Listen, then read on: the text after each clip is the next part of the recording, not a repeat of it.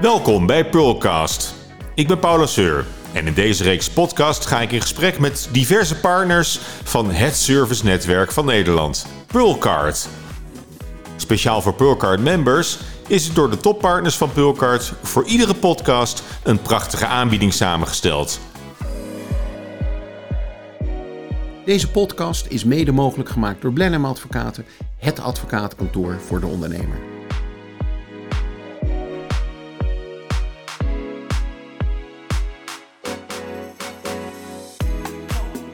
Welkom bij de Pearlcard sessie over eh, mind and health. hè. Dat is naast de lifestyle is dat natuurlijk ook een, eh, een belangrijke poot van de hele eh, Pearlcard eh, organisatie. En aan tafel heb ik André van Alphen van het Fysioconcept. Hallo, goed dat je er bent. Ja, goedemiddag. Dankjewel. En eh, Nathalie Schaasma van Schaasma Kliniek. Goedemiddag. En eh, Arjen Paardenkoper. A- a- advocaat, maar je, je zit hier eigenlijk meer als, eh, ja, als, als Pearlcard member. Als Pearlcard member een tevreden gebruiker. Een tevreden gebruiker, want... Begin, Ja, ik- beginnen we even bij jou. Ver- ver- vert- vertel je verhaal maar. Nou ja, ik heb natuurlijk best wel goede ervaringen met Pearlcard en dan met name de, de health services. Ik, eh, ik weet nog goed dat ik druk in een overname zat en een enorme pijn aan mijn knie had. Toen was ik ook nog even mee gaan skiën. En tijdens de overname met Pearlcard begon te appen. God, ik zit nu al, eh, ik kan eigenlijk al weken mijn knie niet bewegen. En volgens mij is dat niet goed. En toen werd ik teruggeappt van, eh, nou we weten wel iemand voor je. Eh, kan je. Kan je vanmiddag? En toen zei ik, ja vanmiddag kan ik niet, maar kan, eh, morgen kan ik wel. En toen werd ik eh, doorverwezen naar het Acibadem. Maar ik dacht eerst dat het het AMC was. Dus dacht, nou, dat hebben ze mooi geregeld. Maar het bleek het Acibadem te zijn. Nog En, beter. eh, van, van, van origine een, een, een Turks ziekenhuis. En ik, ik googelde het even, zag dat het het grootste privé ziekenhuis ter wereld was. Met in Istanbul een ziekenhuis met, ik geloof toen, 5000 bedden. En toen zag ik dat er eh, de orthopedist, of eh, orthopeed waar ik naartoe ging, dat dat een vrij, eh, vrij grote meneer was. Bas Pijnenburg. Dus ik weet nog goed, ik kwam bij Bas en ik had verwacht zo'n zo'n intaketraject. Van, nou, dan In, Istanbul of? nou, helaas niet. Het was gewoon Amsterdam. Het was wel pre-covid, dus reizen bestond nog. Dus ik kwam, ik kwam bij Bas binnen in het ziekenhuis en ik, de afspraak begon op tijd. Dat vond ik al fijn, want ik zat vrij kort in mijn tijd. En toen zei hij van, nou laten we meteen maar even een MRI maken. Dus dacht, een MRI, in-house. Dus een eh, kwartier later eh, had ik de MRI. En toen zei hij, nou, we hebben zo de uitslag en dan bespreken we dat even. Dus dat was in een tijdstip van anderhalf uur. Had ik een eerste consult, een, een MRI. En slecht nieuws, want eh, ik moest geopereerd worden. En, ehm, en toen zei hij, wanneer kan je? Ik zei, ik kan altijd. Toen zei hij, kan je zaterdag? Dus nogmaals, maandag belde ik. Dinsdag was ik bij het ziekenhuis. En, en, en zaterdag werd ik geopereerd. Maar dat kostte me ook geen werktijd. En dat was eigenlijk ideaal. En dat was echt een mooie ervaring. Want ik dacht nog, een ziekenhuis, privékliniek, hoe zit dat dan? Nou, één, het was allemaal gewoon verzekerde zorg. Het kostte niks extra's. En de tweede was dat het... ehm, dat ik ook gewoon kon kiezen van, nou, ik wil eh, toch een narcose. Want ik vind zo'n live operatie meemaken, daar ben ik niet mans genoeg voor. Dus dat... eh, dat is, eh, en ik weet wel dat, eh, dat de anesthesist tegen mij zei, nou... Je gaat graag op vakantie naar Turkije, droom maar van een first class reis naar, ehm, naar Istanbul. En toen hij de L had uitgesproken, was ik al weg, denk ik. En uiteindelijk werd ik, werd ik wakker na een half uur. En nou, waanzinnig, ik liep de volgende dag weer. Dus dat was zo'n goede ervaring. Ehm, en, en dankzij Pearlcard dus. En ehm, uiteindelijk heb ik daar ook eh, illegaal dan mijn ouders naartoe gestuurd en mijn zus. Want ja, die zijn nog wel geen eh, Pearlcard member. Maar dit contact was goud waard. dus ik heb daar ontzettend goede ervaring mee. Ja, dat is waanzinnig. Ja, ja, heel fijn dat er iemand bereikbaar is. Dat je snel... Nou ja, maar, je, zien. je bent ook eh, ambassador for life eh, voor, voor Ja, ja voor de Pearlcard eh, geworden. en met name voor de Acibadem ook. Ja, Ja, ja. ik zeg het overal. Geef het door. Het is fantastisch. Want eh, eh, André van Alphen, jij, kent, jij kent die club ook volgens mij. Daar- ben je ook... eh, ja, ik ben uh, vanuit Turkije. Ik heb eh, vanuit mijn fysiotherapie doe ik veel in de topvoetballerij. Dus ook heel veel in Turkije ben ik geweest. Dan ben ik met Wesley Snijder daar naartoe gegaan. Eh, daar heb ik eigenlijk diverse ziekenhuizen leren kennen en de eigenaar van Archibadem. Lang verhaal kort, we gingen naar, eh, eh, bij hem op bezoek. En hij vertelde mij, we gaan in Amsterdam beginnen en eh, zou je ons willen helpen de boel op te zetten, goede orthopeden zoeken en noem maar op. Bas Pijnenburg komt een beetje uit mijn netwerkje vandaan, dus ik heb hem benaderd en wat andere artsen. Zodoende zijn we daar nu precies vier jaar geleden geopend. Eh, vanuit de topsport heb ik eigenlijk precies het verhaal wat eh, meneer Paardenkoper net zegt. Van we gaan, eh, Mhm. maar goed, Arjen is geen topsporter. Met alle nou, respect. Het, nou, het, leuke, het leuke daarvan is, Denksport.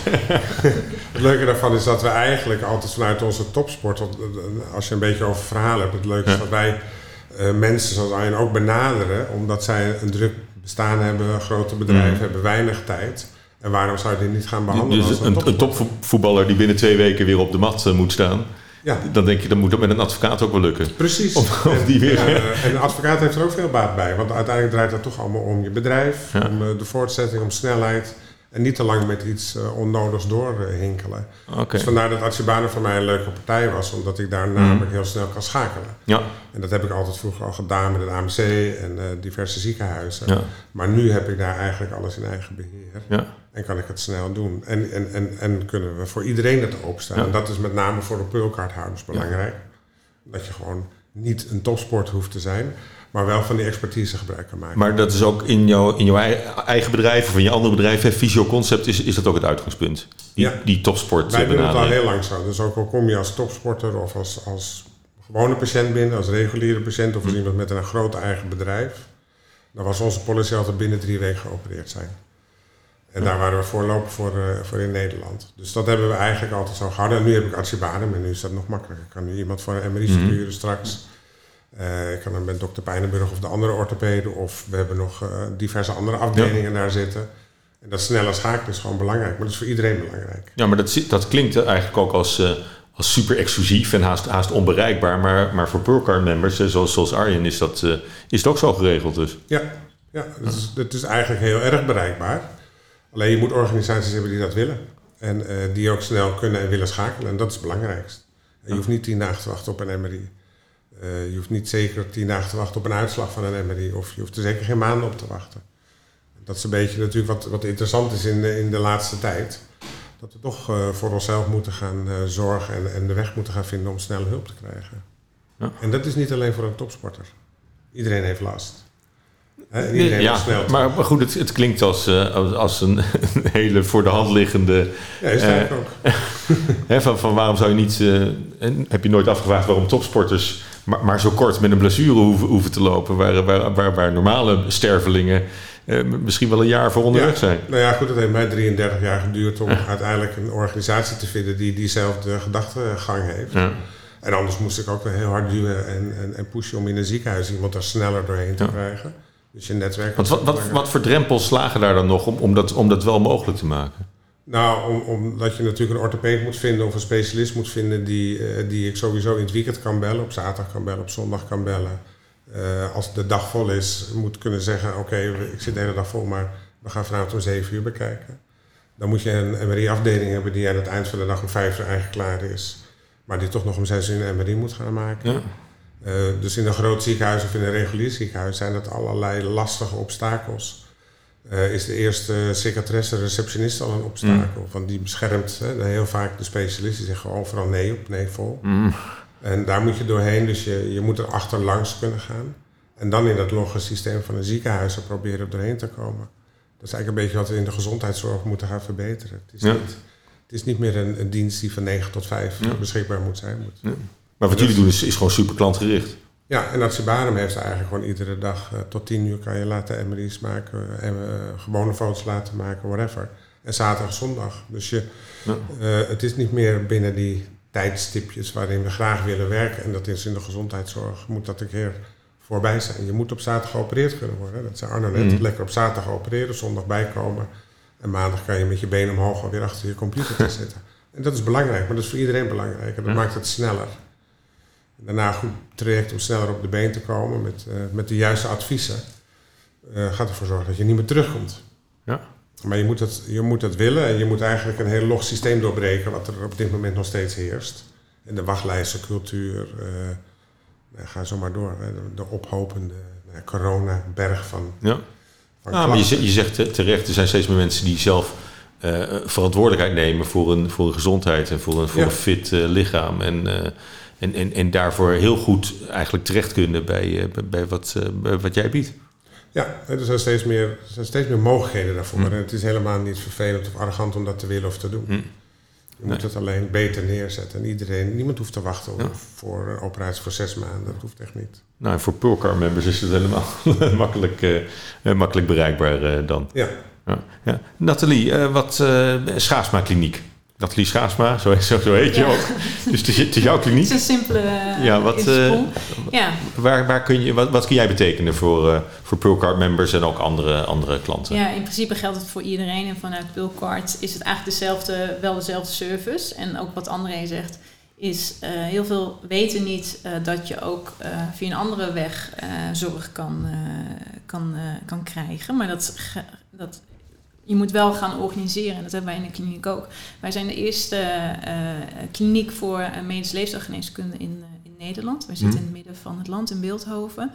Eh, sinds een jaar. We, zijn, eh, we zaten eerst in Baren, maar we zijn nu verhuisd naar Beeldhoven. En eh leefstijlgeneeskunde is eigenlijk nog heel vaag voor heel veel mensen. Voor, Mhm. de, voor de cliënten, maar ook wel voor de zorgverleners. Ehm, leefstijl daarentegen niet. En vooral natuurlijk sinds vorig jaar is leefstijl best wel Mhm. een, eh, ja, eigenlijk een business geworden voor heel veel eh, ondernemers. Eh, maar leefstijl is veel meer dan alleen afvallen of gaan bewegen. En leefstijlgeneeskunde is eh, veel meer dan dat. En het is niet iets van geitenwolle sokkenachtige tafereelen. En je ziet nu wel dat dat steeds meer doorbroken wordt, omdat er natuurlijk steeds meer kennis naar voren Mhm. komt, media, maar ook eh, op social, eh, social media, et cetera. En eh, wat wij doen is, eh, we zijn best wel heel breed. We zitten op het mentale vlak, mentale gezondheid, we zitten op de fysieke gezondheid. Ehm, als mensen bijvoorbeeld bij ons komen van, goh, ik voel me gewoon eh futloos, ik heb rugproblemen, ik ben aangekomen, ik kan nu niet meer goed werken. Dus kom je eigenlijk in een Mhm. soort cirkel terecht waarin leefstijl gaat starten. En eh, overgewicht is heel simpel om te zien. Ja, daar moet je dan mee starten. Je gaat bijvoorbeeld naar de huisarts en zegt, nou, misschien eh, voor de rug is Mhm. afvallen misschien wel handig. Maar bijvoorbeeld overgewicht is een gevolg van. Het is vaak niet een oorzaak. Hè? Eh, In principe, we kunnen overal kookboeken vandaan halen om, gaan, om weer gezond te leren Mhm. eten. Maar wij hoeven niet uit te leggen dat je beter een wortel kan nemen dan chocola. Het gaat erom dat we een weg gaan creëren voor jou, waarin die verschillende soorten klachten, mentaal, fysiek eh, gebied, eh, dat we die kunnen eh, verhelpen eigenlijk. Mhm. En, en Maar is- zo snel als die knie van Arjen is dat niet gerepareerd volgens mij. Als ik jou zo hoor praten, heb ik, eh, dan, dan Nee. zie ik al eh, eindeloze sessies voor me en praten. ja, nou, en zeggen, el- elke week kijkt, Dr. Rossi. Dan krijg nee, nee, nee, nee, maar dat, dat- is dus juist niet. En dat, dat, dat de boek, wij bestaan al sinds 2008. Mhm. En ehm leefstijlgeneeskunde is. Kijk, wij hebben een internist in huis, we hebben de orthopeet in huis, we hebben de, ehm, de, de reumatoloog, we hebben zelfs de eh, psychiater. Dat klinkt heel eh, van wow. Wat het verschil is, is als iemand binnenkomt, en dat is wat je nu de laatste jaar heel goed ziet, is heel vaak wordt er gezegd: oh, dat is door stress. Bijvoorbeeld een rugklacht of een Mhm. schouderklacht. Ehm, hè, nek, ja, achter de computer. Je moet nu een jaar eh, binnen, eh, of tenminste eh, op je eigen werkplek zitten in huis. Ja. Ja, dat veroorzaakt heel veel stress daardoor.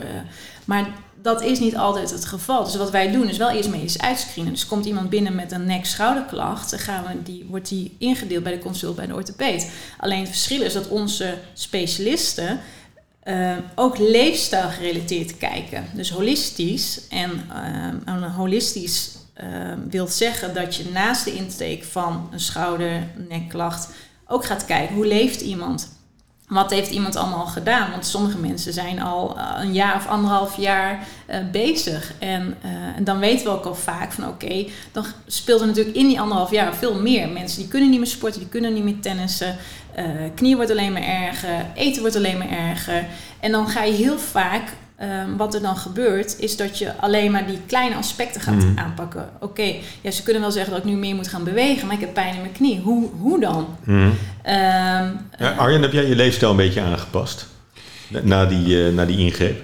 Ja, wel. Want ik, ik, ik was ooit 133 kilo. Er staat vandaag op de scho- schoon eh, 114 op de haak. Het is nog Oh. steeds te veel. Maar ik heb eh, vier jaar geleden een beslissing genomen om, eh, om het roer om te gooien. Dus ik ben... kende ik Nathalie Schaafsma nog niet. Anders was ik natuurlijk naar Nathalie gegaan. Toen ben ik naar een Duitse privékliniek gegaan. Hmm. En ehm, dat doe ik twee keer per jaar. Dat is ook een kliniek, denk ik, echt wel eh, zoals die van jou. Maar Dat is ook eh, leefstijlgeneeskunde. ja, waar- leefstijlgeneeskunde. Ja. Maar dat is niet alleen maar voor mensen met overgewicht. Daar komen ook gewoon mensen die overstress zijn. Mhm. Dus ik ga er twee keer per jaar acht dagen, negen dagen naartoe. Zonder Nog steeds, Ja, ja. zonder telefoon. Ik ben net geweest, twee weken geleden. Dan neem ik geen telefoon en computer mee. Dan eet ik zeven dagen niet ik vast. Mijn vrouw die is vrij mager, die, die redt dat niet. Die blijft gewoon dooreten. En dan uh, heb ik weer gesprekken met mijn psycholoog en met de, de, de bewegingstherapeut en, uh, en de rugarts. En uh, ik doe dan tegelijkertijd allerlei medische onderzoeken, dus ook darmonderzoek, et cetera. Maar dat is ontzettend fijn. Het heeft mij echt, heeft me echt geholpen in mijn leven. Hmm. En ik heb een aantal dingen in mijn leven uitgegooid. de alcohol nog niet, maar wel ben beduidend minder gaan drinken ben ongelooflijk nou, veel gaan bewegen. Je, bent wel dol op koken nog steeds. Ja, dat wel. Dat doe ik nog dus steeds. Iemand moet het opeten. Maar, maar, maar, maar, toch, weet je, meer vegetarisch, meer vis, het rode vlees, bijna verbannen. Geen frisdranken meer. Uh, ja, ja, ja, Minimaal per dag een uur, uh, een uur per dag bewegen. Dus, uh, en nog vier keer in de week sporten. Dus, dat, en dat is sindsdien, dat doe ik sinds 2017. En dat heeft me veel gebracht. Dus ik denk, en ik denk in deze tijd, Nathalie, dat het natuurlijk vol naar boven komt. Hè. Die, die, die je hmm. ziet mensen die hebben corona-kilo's, opeens hebben ze stress, maar het is natuurlijk nooit een verkeerde houding. Het komt natuurlijk altijd ergens vandaan. Ja. En ik denk dat uiteindelijk, hè, wat mij nog verbaast, is dat verzekeraars dat niet gewoon beter oppakken. Hmm. Want nu betalen ze de rekening eh, van de, van de, van de gevolgen. Nou, in zijn algemeenheid eh, geldt natuurlijk dat, dat we veel meer toe moeten naar een, een model van, van preventieve uh, gezondheidszorg. ja, maar ik geloof ook wel, want ik heb ook wel gesprekken met zorgverzekeraars. Wij zijn contractloos. Dat wil niet zeggen dat wij heel duur zijn. Wij zijn gewoon voor, op hmm. zich voor iedereen daarin gewoon betaalbaar. Um, alleen, ja, wij, vanaf 2008 heb ik gezegd, ik wil zelf, wij willen zelf de stoel zitten. Om te, hè, van hoe gaan wij ons intake inplannen en wat doen wij? En natuurlijk zijn wij ook gewoon geregistreerd in een kwaliteitsregister. Als je geen contact hebt met een, met een zorgverzekeraar, wil niet zeggen dat je kwaliteit slecht is of niet. Nee, je gaat gewoon niet akkoord met de voorwaarden van de zorgverzekeraar. Nou, dat zijn wij. En uh, alleen nu, wat denk ik het probleem is bij zorgverzekeraars, niet zozeer dat ze niet willen, en ze zien natuurlijk ook wel voordeel van preventie, uh, daarop uh, inspelen. Alleen in de huidige formule, hoe ze de verzekering nu opzetten, kan je natuurlijk niet preventie vergoeden. En ze zijn er wel druk mee bezig. Hoe gaan we dat dan, dan doen? En wij zijn nu met een verzekeringsmaatschappij, zorgverzekeringsmaatschappij bezig om tafel te zitten om mee te denken. Van ook al, ik wil best hm. pilots gaan draaien. Van hoe ga je dat nou uh, bewerkstelligen? Want wat wij nu zien is dat heel veel eenpitters te zijn. Bijvoorbeeld iemand die gaat naar de huisarts die zegt: Ik heb een lichaamklacht, hm. overgewicht, ik voel me niet goed. Nou, het hele cirkeltje. Dan kan je eigenlijk, of je gaat bijvoorbeeld naar de GLI, dat is een gecombineerde leefstijlinterventie. Het wordt vergoed vanuit de basisverzekering bij iedereen. hoeft geen eigen risico te hm. betalen. Dus dat is heel laagdrempelig. Alleen dat is alleen maar voor mensen met overgewicht, met BMI van 25 en eventueel nog een ziekte erbij, zoals diabetes, et cetera. Of een BMI van 30 of hoger. Maar er zijn ook heel veel mensen die klachten hebben met ondergewicht. En dan krijg je ook problemen van lichamelijke en mentale problematiek. Die groep die valt dan naast de boot. En um, dan ga je bijvoorbeeld naar een diëtist toe. Uh, mijn diëtist die kan me niet medisch uitscreenen. Die kan niet een onderscheid maken van oké, deze klacht. Uh, uh, en bijvoorbeeld iemand, een heel simpel voorbeeld. Ik heb hem, het is best wel een extreem voorbeeld, maar het gebeurt wel gewoon in de praktijk. En misschien kan André dat ook beamen.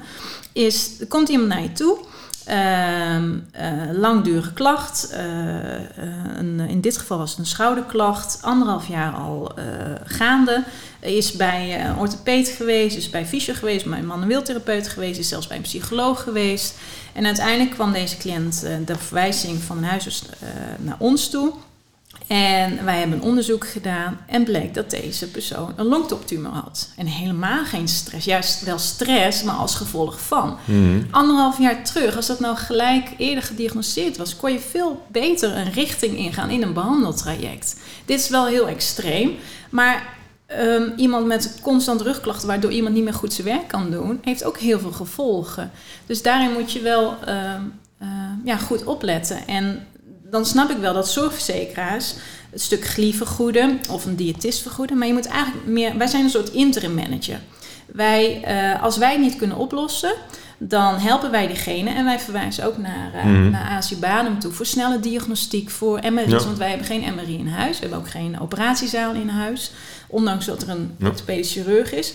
Maar wij koppelen ook terug. Dus op het moment als een orthopeed zegt vanuit bijvoorbeeld Azibaden van oké, okay, uh, meneer heeft overgewicht, uh, inderdaad knieprobleem, maar met een stuk uh, leefstijlbegeleiding, waaronder ook medisch, mm. dat er ook een medisch oog op blijft zitten, gaan we diegene helpen. En dan heb je gewoon korte lijntjes met Ja. een orthopeed. En we hebben ook bijvoorbeeld met de dermatoloog in Azië-Badem contact. Maar je, maar je ziet wel twee, twee snelheden hè, van die zorg. Want aan de ene kant wil, eh, wil, wil Arjen met die knie, die, die wil een quick fix. En die wil, die wil maandag weer aan het werk. En nadat hij zaterdag is, is geholpen aan die knie.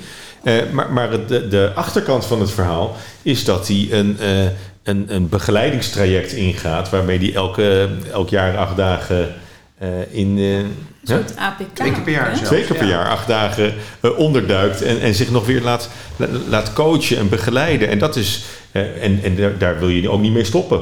Dus, Daar ga ik zeker niet mee stoppen, maar het zou daar heb fijn je- zijn als de verzekeraar het zou vergoeden. Nou, Ja, maar dan ik heb je denk nou- wel heb dat dat ja. gaat komen. Niet alle zorgverzekeraars, maar degene met wie we nu om tafel zitten, die zeggen... Wij hebben bijvoorbeeld een vrouwenhartweekend. We werken samen met een Hm. cardioloog. En dat is eigenlijk zo toevallig gekomen, omdat Hm. de vraag naar was. En het vrouwenhartweekend is meer een paar dagen. Kijk, iedereen kent een retraite. En het voorbeeld hè, van Arjen kennen we ook van... oh, hoe heerlijk is het om daar tijd... Ja. Maar wij hebben dat gewoon in Nederland, in Beeldhoven. Je hoeft daar niet speciaal ziek voor te zijn. Je kan ook als preventie van, oké, waar sta ik nu?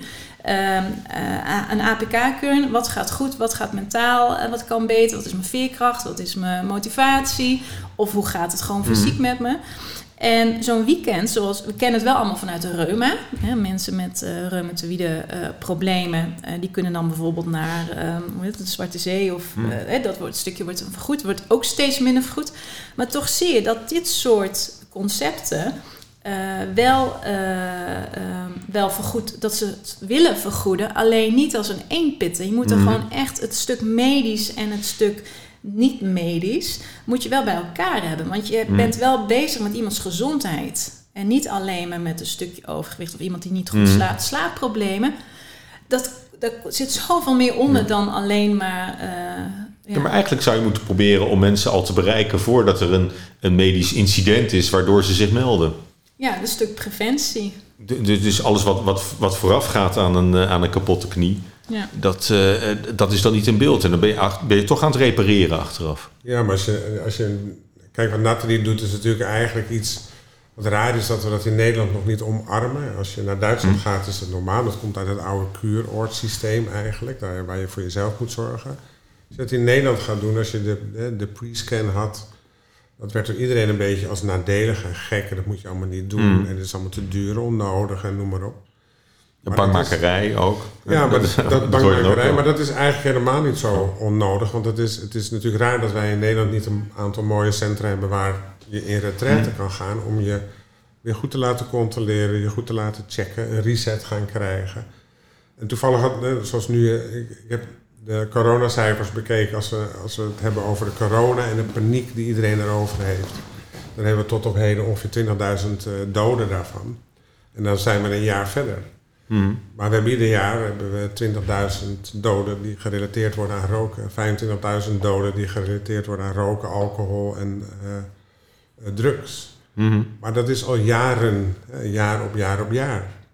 Eh, daarnaast hebben we natuurlijk eh, nog een hele grote groep risicovolle mensen die inderdaad obesitas krijgen, BMI's te hoog worden. En dat is echt niet alleen maar door de Leefstijl, leefstijl, leefstijl. Dat is allemaal. Dat is eigenlijk en, het. eh, en dus aan- daar aan de voorkant moet je al veel meer gaan doen om de mensen uiteindelijk te Mm. voorkomen dat ze in dat moeilijke circuit terecht gaan komen. Ja. En daar, dat is een beetje wat ik merk in de gesprekken met verzekeraars. Die willen wel iets doen, maar dan zeggen ze ja, het is drie maanden. Maar dat soort problemen zijn in drie maanden nooit klaar. Dat zijn, we hebben daar veel meer tijd voor nodig. Je hebt er veel langere Mm. tijd voor nodig om iemand helemaal te resetten en weer goed op de rails te zetten, dat hij zichzelf weer kan sturen in de Ja. richting waarin het moet. Ja, dus die drie maanden werkt niet. En de, ge- Ja. de verzekeraars hebben dat in het verleden gedaan. Er zijn een aantal bedrijven die dat wel doen. En die doen dat na drie maanden. En dan gaat de verzekeraar na een jaar heel Ja. nou, strikt kijken. En die zegt dan gewoon, ja, resultaten zijn eigenlijk helemaal niet goed. Dus ze stoppen ermee. Het werkt dus niet. Ja.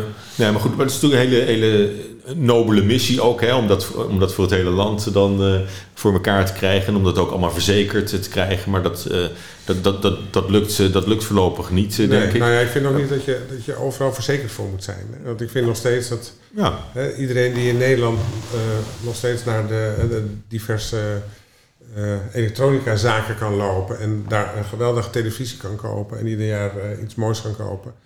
Daarvan vind ik ook wel dat hij moet gaan leren om te gaan investeren in zijn eigen gezondheid. ja Dat dat, is een andere, dat, hè, omslag dat, systeem van, van, van, van de verzekeraars die eigenlijk bepalen wat, wat al dan niet vergoed wordt. Dat, Ja. dat legt ook een taboe een beetje op, eh, op, de, Ja, maar het op de, de het- vrije sector, als ik het zo, zo ja, mag het geeft ons ook het gevoel dat we recht op iets hebben omdat je toevallig nou daarvoor betaalt. Ja. En als je het nooit eh, vergoed krijgt of niet meer vergoed krijgt, dan is iedereen ondaan, omdat ze toch vinden dat ze het vergoed moeten krijgen.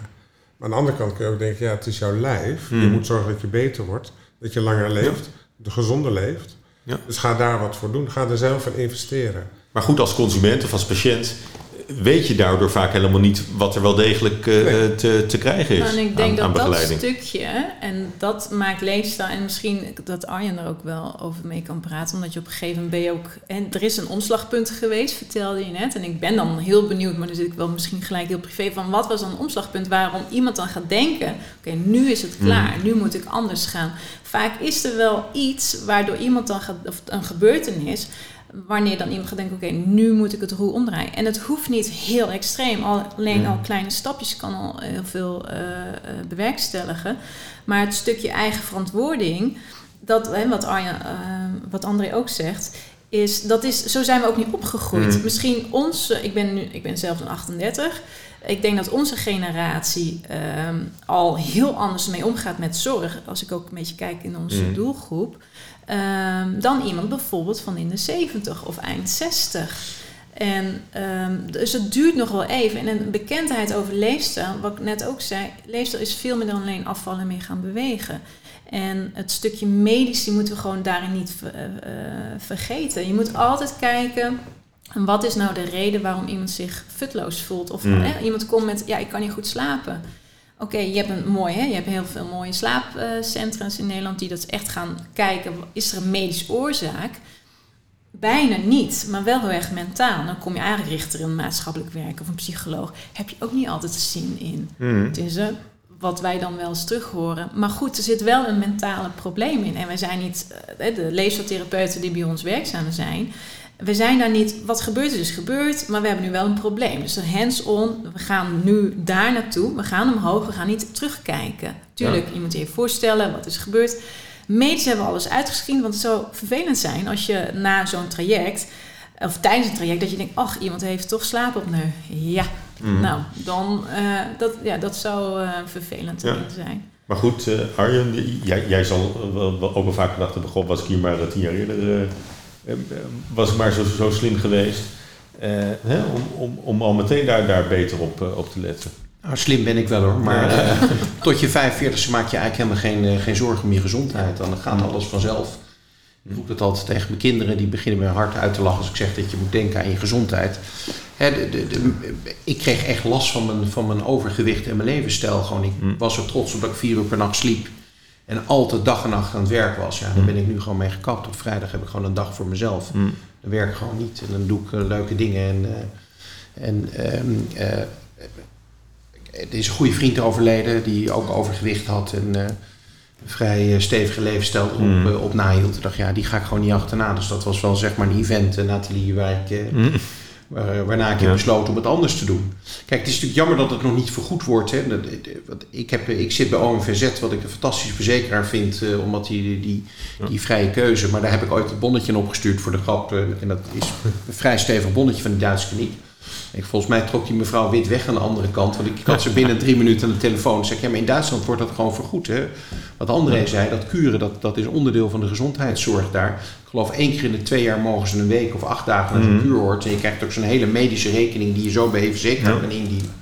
Alleen mijn verzekeraar die accepteerde hem helaas niet. Maar ik vind het niet erg, want ik, ik, ik zou toen een, eh, een reis gaan maken naar, een, ehm, eh, naar Las Vegas. Dat zou eigenlijk alleen maar eh, drank zijn, veel, veel eten en weinig slapen. En toen dacht ik, ja, de kosten van die reis kan ik ook investeren in mijn gezondheid. Dat was ongeveer 10 mil.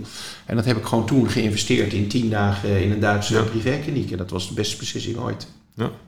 Maar goed, en het, het, het zou jammer zijn om, om te wachten tot het, tot het misschien vergoed wordt door, door verzekeraars in Nederland. En daarom proberen we het ook Ja. gewoon in de, de tarieven eigenlijk heel laag te houden. Kijk, we hebben leefstijltrajecten, dat zijn Hm. pakketten. Maar het is wel afhankelijk van wat is jouw hulpvraag. Dus dat ga je samen met de arts, Ja. met de eh, met de leefstijlgeneeskundige. Dat le- leefstijlgeneeskundige is nog niet een, een, een, een ehm, hoe je het zeggen? Net zoals een reumatoloog of een neuroloog. Dat zijn eigenlijk allemaal specialisten. Leefstijlgeneeskunde is nog niet een officiële. Mhm. eh, ehm, ik kom even niet op op het woord, maar. Specialisme. Specialisme, ja. Ja. Maar volgens mij moet je uitleggen, Nathalie, dat niet gecontracteerde zorg betekent niet dat het niet vergoed wordt, toch? Dan wordt toch 80% van de kosten wordt uiteindelijk vergoed Daar ligt het aan. Zorgverzekeraars zijn verplicht eh, minimaal 60% volgens marktconforme tarief te vergoeden. Maar we hebben iets van 52 soorten polissen. En als je dan kijkt bijvoorbeeld, nou ik hou het even bij fysiotherapie, want daar kan je dan ook over meepraten. Fysiotherapie is, ehm, even kijken, nou wij werken drie kwartier, maar vaak is het op een half uur met fysiotherapie. En is, is geloof ik 30 euro ongeveer Nederlands tarief. Maar goed, Mhm. bij de ene zorgverzekeraar is 28 euro, bij de andere is weer eh, 29 euro. En bij de ene zorgverzekeraar die zegt, nou ik ga er 60% van vergoeden, de andere zegt ik doe er 75%. Het is echt, ik, ik, Ja. eh, Nou, het is, ja, het is de- eigenlijk sinds dit jaar eh, ehm, gebeurd dat je... eh, voorheen was het marktconform. Toen hebben we een prachtig onderzoek van eh, Gupta gehad vorig jaar. Eh, die heeft gezegd marktconform in de fysiotherapie is eigenlijk 38,50 euro. Toen kwamen er nieuwe contracteerrondes voor dit jaar en toen hebben de verzekeraars marktconform weggelaten, Ja. maar hun eigen gemiddelde tarief erin gezet. En dat betekent, je hebt verschillende stages waar je kan zitten, stap 1 tot en met wat. Afhankelijk van hoeveel je in wil leveren of in wil laten zien, ga zo maar door. Een beetje lastig om uit te leggen, maar dat betekent dat zij dus ehm, van hun gemiddelde tarief en dan nog een keer 60%. Dus eh, er is een verzekeraar die vorig jaar dan zeg maar Mhm. 26 euro zou vergoeden als je niet gecontacteerd was. En die vergoedt nu 14,50 euro. Dat betekent dat de, de patiënt of de klant, hoe je het wil noemen, eh, ten opzichte van vorig jaar eigenlijk 12 euro meer moet Ja. gaan bijbetalen. In mijn praktijk hebben we daar al jaren geleden afscheid van genomen van dat gevoel. Omdat we altijd hebben gezegd, dit is ons tarief. Eh, we hebben met een aantal verzekeraars geen contract en met een aantal verzekeraars wel. Daar zijn we eigenlijk veel meer in een goed overleg. Eh, en daarnaast vinden we nog steeds dat de patiënt ook moet betalen voor zijn behandeling. Zelf, uit zijn eigen portemonnee. Mhm. En waarom vind ik dat belangrijk? Is dat ik merk dat mensen die zelf wat moeten betalen... eh, als ik die aan het begin van de behandeltraject heb gezegd... nou, we zijn in negen keer klaar... dan gaan ze bij de achtste keer al zeggen... nou, André, we zijn bij acht... maar ik denk niet dat het in negen keer klaar is. Dus hoe lang zou het nu nog verder gaan duren? Dus omdat ze zelf meer gaan betalen... of wat moeten gaan betalen of wat moeten bijleggen... omdat je niet gecontracteerd bent... zijn ze veel scherper op het hele beleid en de hele prognose... en ook Ja. het hele behandeltraject. En dat is ook belangrijk. Dat is ook belangrijk voor een fysio. Als je in de fysiotherapie helaas... eh er zullen een aantal mensen niet in dank afnemen wat ik nu zeg... maar er zijn mensen die echt niet beter worden... die iedere week bij de fysio langskomen met een chronische klacht... Die worden in een kamertje gezet. Er wordt nog een beetje heen en weer gepraat en gesproken. En tot volgende week. Dat is niet waar het om gaat. Als iemand dan ook zelf een stukje zou moeten bijdragen, dan zouden ze dat nooit accepteren. Dan zouden ze eigenlijk of zeggen, nou ik ga ermee stoppen, want het werkt niet. Of ik wil een doel gaan behalen. En, en dat is uiteindelijk waar we naartoe moeten gaan. Dus het hoeft- hè, mijn, mijn dingetje in het voorbereiden was ook dat ik zei, je moet niet alles van de verzekering af laten hangen voor je eigen gezondheid. Wees bereid om te investeren en ook bereid om aan het stuur te Ja. zitten samen met je behandelaar. En ook eh, om het goed uit te laten zoeken. Ja. Net verteld, eh, bij haar komen heel veel mensen die hebben allemaal fragmentjes gehad van onderzoeken. Maar in Nederland is het nog steeds bijna niet te organiseren. En eh, in Acebadem hebben we dat, zijn we dat nu aan het doen. En daar, ook daar is het lastig. Dat als je niet bij die neuroloog terecht moet, als die klaar is met je, dat hij je één deur verder gaat sturen. En dat als het daar nog niet lukt, dat hij je een deurtje verderop gaat sturen. Nee, wat er gebeurt, neuroloog zegt, nou er is niks aan de hand, ga maar terug naar je huisarts. Maar daar kom je niet net vandaan. En die huisarts weet het niet. En daarom stuurt hij naar een neuroloog. Dus je wordt teruggekaatst. En je komt weer bij de huisarts en die Mm. denkt, nou daar is die weer, wat moet ik nu? Ja, dan word je kastje in de muur en eh, Ja, een kringetje dus- Nou, rond. dat eh, proberen ja. we ook vast te En- houden, dat ja. dat niet gebeurt. Dat Ja. is zinnige zorg. Ja, dat is zinnige zorg. En daarom is het veel interessanter om op één dag gewoon... En met name de moeilijk begrepen klachten, waar er echt honderdduizenden van zijn in Nederland. En die zijn niet zo moeilijk te begrijpen als je ze maar een keer goed gaat screenen. Ja. En waarom kunnen we dat in Nederland nog steeds niet? En gebeurt dat in het buitenland wel? Dus daarom denken wij, in het buitenland is het allemaal beter, we gaan daarheen. Mhm. Nou, ik heb gewerkt in Duitsland en in Zwitserland. Ik, was toen, ik ben nog steeds fysiotherapeut. Naast de eigenaar ben ik nog wel uh, werkzaam als fysiotherapeute. Ik heb in Duitsland gewerkt, heb ik een fysiotherapiepraktijk gehad, was op een golfbaan. En wat het verschil van die mensen en ook vanuit Zwitserland, dat was toen in Zurich, is dat ze sowieso is de zorg, ehm, de, de gezondheidszorg daar heel anders. De huisarts zit er veel meer uh, voor de cliënt, uh, nou zeg ik misschien verkeerd, maar je gaat mee met de cliënt. Is uh, met betrekking tot fysiotherapie is nog echt ouderwets hoe het vroeger ook hier ging. Je krijgt een briefje mee. Je moet naar een fysiotherapeut. De huisarts heeft opgeschreven wat er, wat er aan de hand is. Ja. En dat moet je dan gaan doen. Nou, In een onleesbaar soms, doktershandschrift. Ja, nou, soms was dat niet helemaal. Maar ehm, die had echt de regie in. Want die zei van nou, vier keer. En bij vier keer moest het dan klaar zijn volgens de huisarts. Als het niet zo was, het was zowel in Duitsland als in Zwitserland, moest je gewoon een goede reden hebben. En ik belde dan ook bij wijze van spreken, mm. omdat iemand bijvoorbeeld, uh, nou ja, een mentale problematiek ernaast heeft, bij wijze van spreken. Dat werd wel, ik, wil, ik zeg niet dat dat goed is, maar er werd wel veel meer regie gehouden door de huisarts. Mm. En de huisartsen hebben volgens mij daar nu geen tijd meer voor, omdat ze gewoon heel veel andere dingen moeten doen.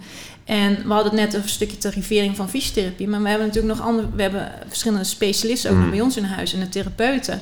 We hebben zelfs wellness-therapeuten uh, bij ons in de kliniek zitten. Want stukje ontspanning is ook heel erg belangrijk. Net zoals wat jij net zei, van dat je een vrije dag hebt op vrijdag. Dat is al een stuk preventie. Mm. Go with the flow. Geen afspraken maken. En waarschijnlijk zit je de hele dag nog steeds vol. Maar je bent wel gewoon aan het doen wat je wilt doen. En het, dat stukje ontspanning pakken en nemen, dat is ook nog een, een soort uh, ja, weg wat je ook moet gaan leren. Dat leer je niet bij een diëtist of dat leer je niet bij een. Uh, daarvoor, bij heb je die, daarvoor heb je die integrale aanpak eigenlijk. Eh, Precies, en bij ons ook. Dan zijn ze bijvoorbeeld klaar met een traject. Of mensen die kunnen ook een los aanvullende dienst bij ons boeken. Van goh, ik wil gewoon even een lekkere hot stone massage. Ja, prima ja, dan ben je toch een stukje met preventie bezig. Maar we hebben het zelfs ook in de pakketten uh, gedaan, omdat dan mensen ook leren van, ja, weet je, dit is een stuk preventie, dus daar kan ik me ook gewoon op inrichten. We weten allemaal, retreats, heerlijk om naar Zwitserland of Duitsland te gaan. Maar in Nederland uh, bestaat het wel, maar mm pakken we toch wat minder de, de, de, de, kans. En ook wat jij zegt, pas vanaf je 45 of in ieder geval vanaf je 40 de kinderen zijn klein. Je moet doorgaan, je hebt nog een eigen onderneming. En pas als die kinderen wat groter zijn, dan pas kom jij eigenlijk een beetje op, uh, op uh, ja, ja, tot aan uh, de orde, zeg maar. En dan pas ga je wat dingen doen. Terwijl het stuk in het dertiger is, dat natuurlijk ook wel belangrijk. Maar dan sta je gewoon je hele mind na. Dus misschien is het wel een utopie om te zeggen... daar moeten we al preventie pakken. Ik denk dat je vanaf de basisschool al misschien daar wat meer kan leren aan de kinderen. Ja, ik denk dat het alle, allerbelangrijkste is dat eh, dat Nederlanders eh, de weg weten of, of leren kennen van waar je terecht kan en hoe je daar terecht kan. Ik denk dat, dat op zich de, de hele eh, healthcare service van, van Pearlcard daar ook alleen maar, alleen maar bij kan, kan helpen. In ieder geval heeft het voor, voor, voor Arjen goed, goed uitgepakt. ik had jullie ook gevraagd een attribuut mee te brengen om, om iets te, te, te vertellen. Ehm, ja, het, het, hoeft niet fysiek. Nou, je mag ook mijn attribuut ligt daar als een kopietje bij jou, als het goed is. En dan moet ik even kijken hoor. Ah ja. Oh, maar dat is wel een bekende. Die, die, die, dat is de foto van Paul Huff van de, de voorhoede van Ajax hè, uit 19, wat was het, 72? Nee, 67. 67, ja. Ja. ja. Wat betekent die foto voor jou? Nou, ten eerste betekent die foto, dat is eigenlijk uh, de, de, nou ja, wat je al zei, de grote vier destijds van Ajax. Hm. middelpunt onder andere is uh, Sjaak Zwart. Uh, maar als je dan een beetje de link naar mijn praktijk doorlegt, is Sjaak Zwart al 33 jaar bij mij Twee keer in de week op de tafel. Hij heeft altijd goed voor zichzelf gezorgd. Daarvoor zat hij bij Salo Muller. Lag altijd op de bank. Iedereen moest verdwijnen. Behalve Johan natuurlijk. Als hij daar lag, dan moest ook Sjaak wachten.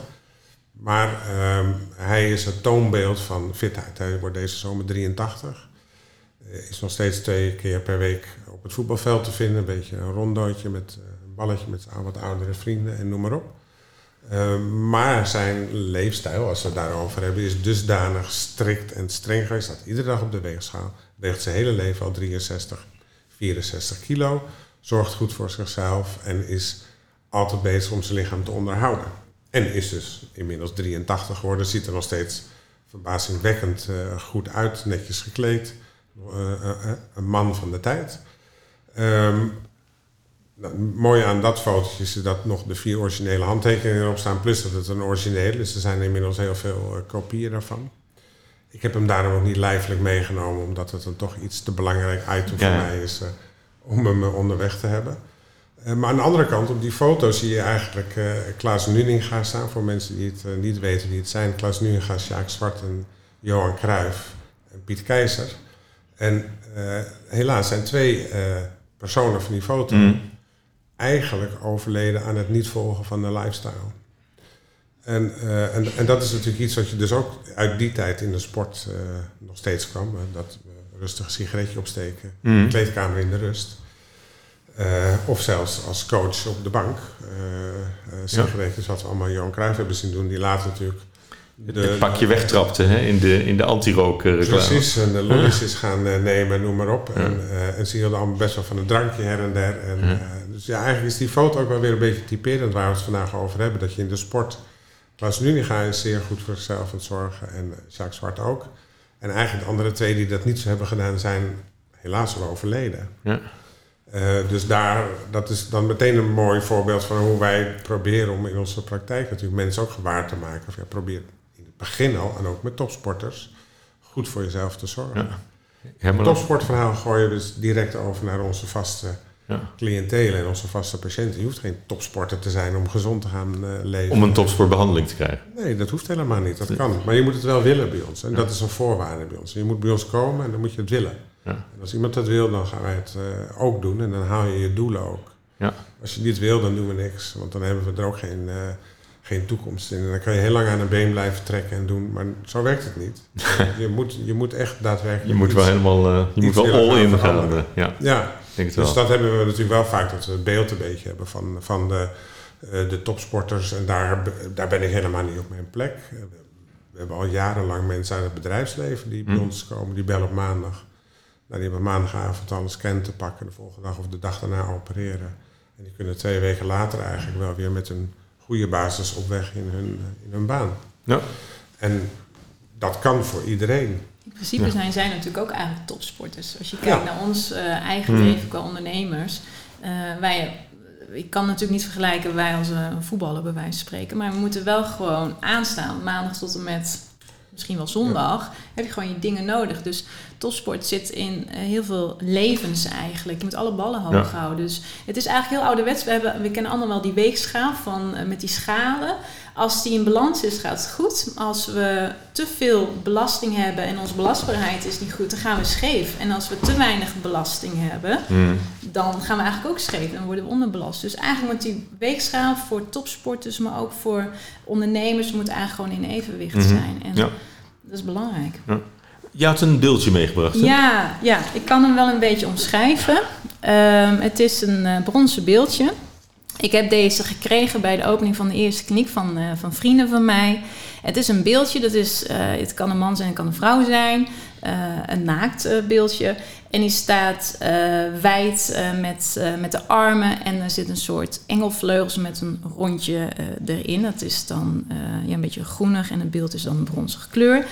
En toen ik die kreeg, toen was ik echt, toen moest ik huilen zo hard daarin. En ik wist eigenlijk niet waarom.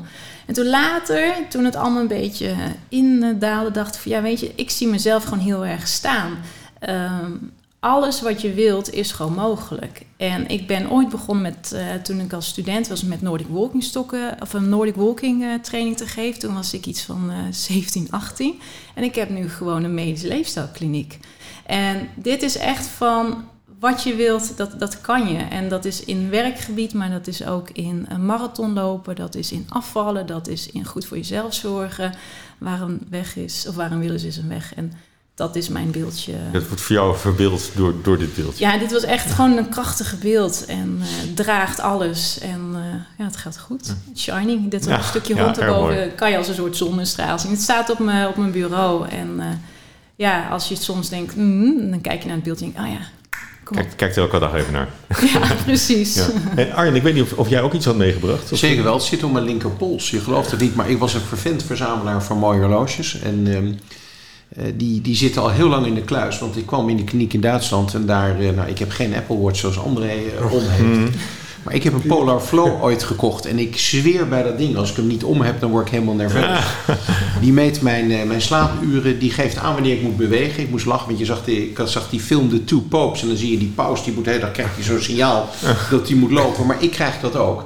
En ik heb hem zo geprogrammeerd dat ik ook sta tijdens het werken. Dan geeft hij aan van je moet nu staan. Dan hebben we zo'n sta, zit-sta-bureaus en die, die gooien omhoog. Dus, dus iedereen aan tafel denkt, wat, wat doet hij nou? Ja, maar dat is, Maar dan dat is heb je echt een- waar. En dat heeft, een het, heeft echt, eh, het klinkt heel flauw. Het is een niet zeggend ding, maar ik, ben er, ik slaap ermee, ik ga ermee, eh, sta ermee op. En, en eh, mis je die mooie mechanische Nee, Zwitserse totaal uurwerk Ja, helemaal echt, ik, ik was daar vroeger echt heel trots op. Van mijn eerste bonus kocht ik ooit zo'n horloge. Nou, ik heb ze nooit meer aangeraakt. Want Ja.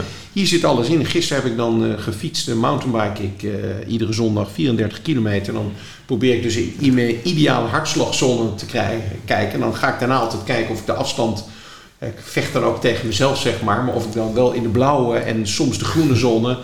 om de conditie op te bouwen en calorieën te verbranden op de juiste manier. Niet te veel in de oranje en rode zone ben. En dan, ja, dat is gewoon een gespreksonderwerp bij ons aan tafel. En het is echt ongelooflijk. Ik, ik ben ook slecht het hele gezin, neem nou zo'n ding. Maar dat vindt iedereen onzin. Maar ik ben er, eh, ben er gek van. Ja. En dat is voor mij echt een, een belangrijk item geworden. Omdat ik gewoon kan zien of ik goede nachtrust heb. Wat, en los van alle bloed- bloeddruk en dingen die ik allemaal moet meten. Wat ik ook altijd braaf doe. Is dit fantastisch. Maar kennelijk kan een Apple Watch, een nieuwe, kan, kan die al bloeddruk meten of niet? Eh, Nee, ik kan geen bloeddruk meten. Maar hij kan eh, wel je... Ik fiets ook heel veel in de, in de Hilversumse bossen. ja.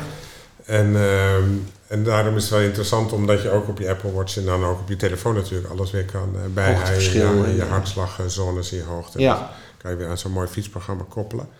Ehm, ja, het is, het is eh, voor mij eh, een uitkomst wat dat betreft. Ja. Omdat het... Ik was een, tot lang geleden was ik eigenlijk benieuwd, want wij staan natuurlijk de hele dag te werken. Dus mijn staandoel, dat red ik altijd makkelijk. Maar hoeveel je loopt en hoeveel je beweegt in een dag. Omdat je zegt, hè, de, de, de magische grens van Mhm. 10.000 stappen. Ja, die 10.000 stappen, dat, dat is toch wel haalbaar, of niet?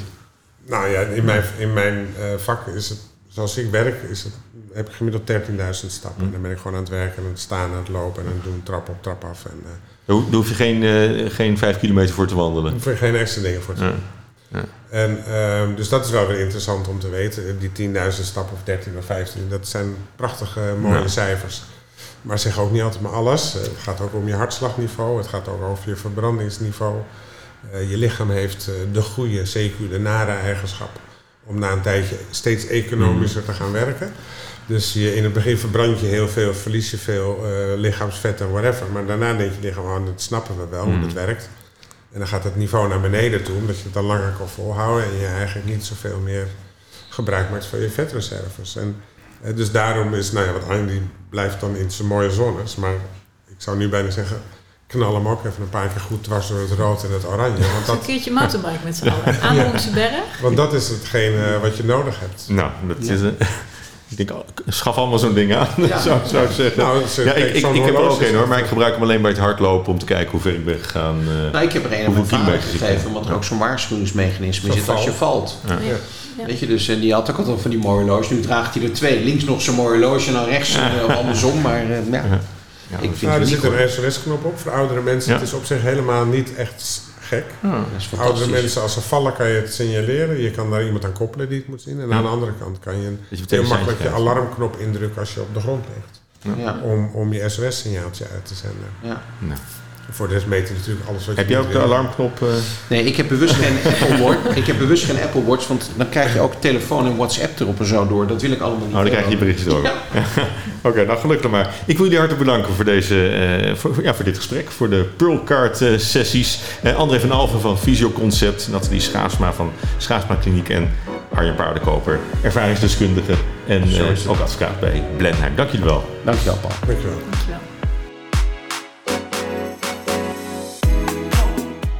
Dit was de Pearlcast over de Healthcare Service. Speciaal voor Pearlcard hebben André van Alphen en Nathalie Schaasma nog een uniek privilege. Fysioconcept biedt jou als Pearlcard-member een gratis blessurecheck van 30 minuten... om zo weer veilig te beginnen met sporten. Middels ons goede contact met Schaasma Kliniek kunnen de Pearlcard-managers altijd kijken of er nog een plaats vrij is... zodat jij snel geholpen kunt worden. Voor het beste juridisch advies kunnen de advocaten van Blenheim je altijd te woord staan. Jouw Pearlcard manager zorgt dat jij direct met de juiste specialist in contact komt.